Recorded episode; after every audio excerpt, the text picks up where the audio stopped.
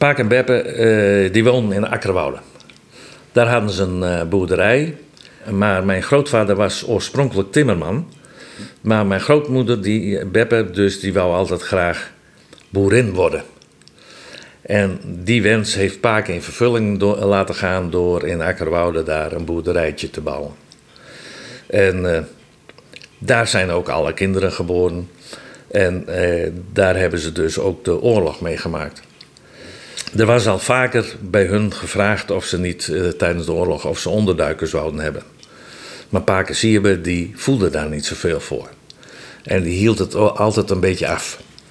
Tot op een gegeven moment, eh, met z'n drieën zijn ze eh, bij Paak en Beppe geweest om te vragen om, uh, om onderduikers. En wie Toen dat draaien dan uit het verzet? Ja, nou, uit het verzet. Dat was een uh, Johannes van der Wal uit uh, Marewoord, Vergonet en Kalsbeek. En die kwamen uit uh, Jouwert. En die binnen de, toen bij hun kwam en haar vregen om daar de onderdukers onder te brengen. En dat wouden ze eigenlijk net. Maar uh, Vergonet, dat was een man die goed met de moeder uh, weer. En waar is Vergonet? Dat is nou een. Uh, nou, ik denk dat Jack het nog veel beter weet dan ik het weet.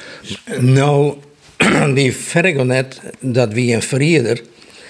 En uh, ik ook zei, uh, hij weer personen non grata binnen het onderwijs naar je rechtszaak kwam. En als het een jood onbracht bij de SD, dan kost 25 goenen vertjeien. En dat weer in die tijd een almachtige prutte geld. Maar dus het ging dus net zozeer om die joden te helpen, maar om het geld. Ja, daar ben ik heilig van overtuigd. En die Vergonet, die kwam dus bij Jopaak en Beppe om te vragen als, uh, ze plakjen voor een periode. Ja, uh, die hebben toen uh, uiteindelijk ja gezegd. En uh, dat was, meen ik, in juni.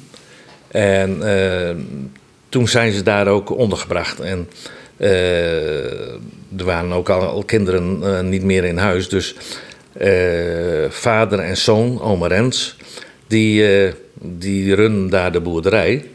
En op een gegeven moment in het najaar van 1943, toen er ook een razzia was in uh. En mijn paken en oom Rens die stonden daar voor de boerderij. Daar kwamen de Duitsers kwamen dus bij hun en dan moesten ze zeggen waar de Joden verborgen waren. En toen zei mijn paken, die zei, we hebben geen onderduikers, we, we, hebben geen Joden hier. En toen werd het geweer op Rens gericht. En die zei, dus zeiden ze tegen hem: Loop jij maar voor ons uit en daar en daar moet je naartoe. Want ze wisten precies waar ze zaten. En dat wisten ze zelfs van Vergonet, zeker? Ja, dat klopt. Die Joden die zijn toen afgevoerd naar Westerbork. En hij kwam hier in een gevangenis terecht. Zijn broer, die uh, was op, uh, hier op een veemarkt in Leeuwarden. En toen waren er anderen die tegen hem zeiden: Jouw broer zit in een gevangenis. Want die had onderduikers. Toen zei zijn broer: dat kan niet. Hij had helemaal geen onderduikers. Zo geheim wisten ze te houden dat ze Duitse onderduikers hadden. en dus zijn eigen familie wist het niet eens. Daar is hij op een hele uh, vreemde manier is hij daar weer uitgekomen.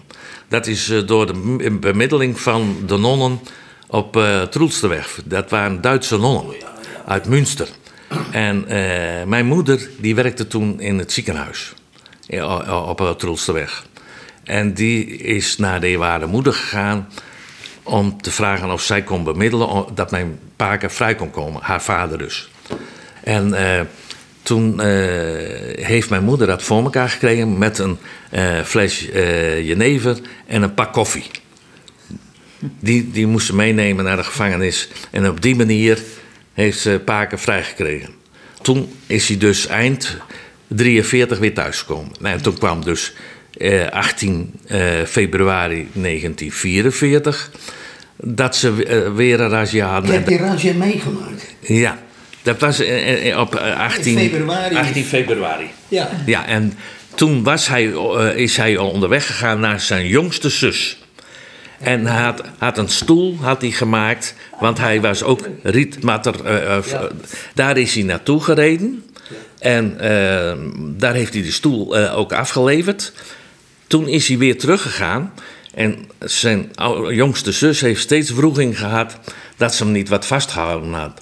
Dat ze bij hem, nog bij hem in huis was gebleven. Want toen hij op de terugweg was naar huis toe, is hij, is hij door de Duitsers eh, is hij dus, eh, Van toen- zijn fiets ge- van zijn fiets afgeschoten. Eh, ze hebben nog wel geroepen van halt. Waarschijnlijk heeft hij dat niet goed gehoord, omdat hij wat hardhorend was. De- is, is het verhaal, dat kan ik dus niet, eh, niet weerleggen. Maar En, en woei, het woei nogal wat. Ja, Want ik ga die razzia aan mij maken, want ik zou hem nog fietsen eh, met die stoel op de schouder. Zie je Bruning weer een hele bekende figuur. En ik zie het toen op een squalle in Ekerwoud. En eh weer razzia, dus wie mochten rennen, maar iedereen van eh pakweg 17, 18 hier tot 65 hier, die wa aanhouden en dat net een legitimatie hier, dan, eh, ja, dan, dan weer het de, de bok. Bruning, die had heest waarschijnlijk, krijgt is dat Simon al zei, het bevel net yet om te stoppen.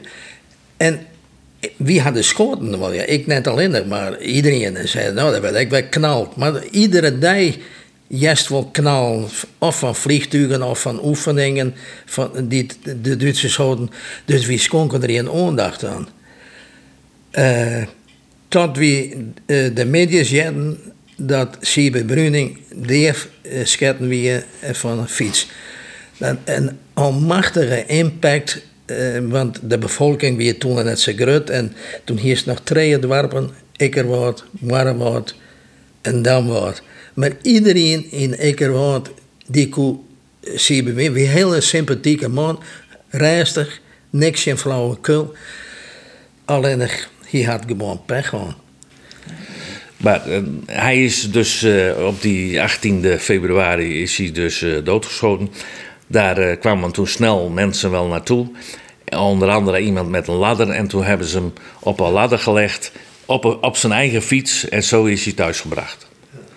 Nou, ik kan me nog heel goed herinneren dat, eh, dat ik met mijn moeder eh, toen hals over de kop hier naar Friesland ben gekomen. Want ik, wij woonden toen in Enkhuizen. Wij zijn toen hier direct naartoe gegaan. En eh, ik moest bij de kist blijven, want als dan bezoek kwam, dan deed ik het luikje open en dicht. Ja. Dat zijn mijn herinneringen die ik nog heel helder voor de geest heb hoe dat ging. En uh, Twajelien, doe het Jo Paken en ik Jo Beppe, die he een mooie onderskering kregen. Ja, daar, eh, ja, wij zijn daaraan begonnen ook met eh, mijn eh, neef eh, Anton, Anton Roelofs. Die woont in Enschede. En eh, nou, die, eh, daar hadden we het samen over. En ze zei, eigenlijk moesten we een onderscheiding voor hem aanvragen. En, eh, nou, maar hij zei, ik, ik zie dat niet meer zitten. Ik, ik kan dat niet meer. Wil jij dat doen? Nou, ik ben er daar inderdaad een twee jaar mee bezig geweest. Het, eh, een koninklijke onderscheiding is makkelijker te krijgen dan de Yad Vashem onderscheiding hoor.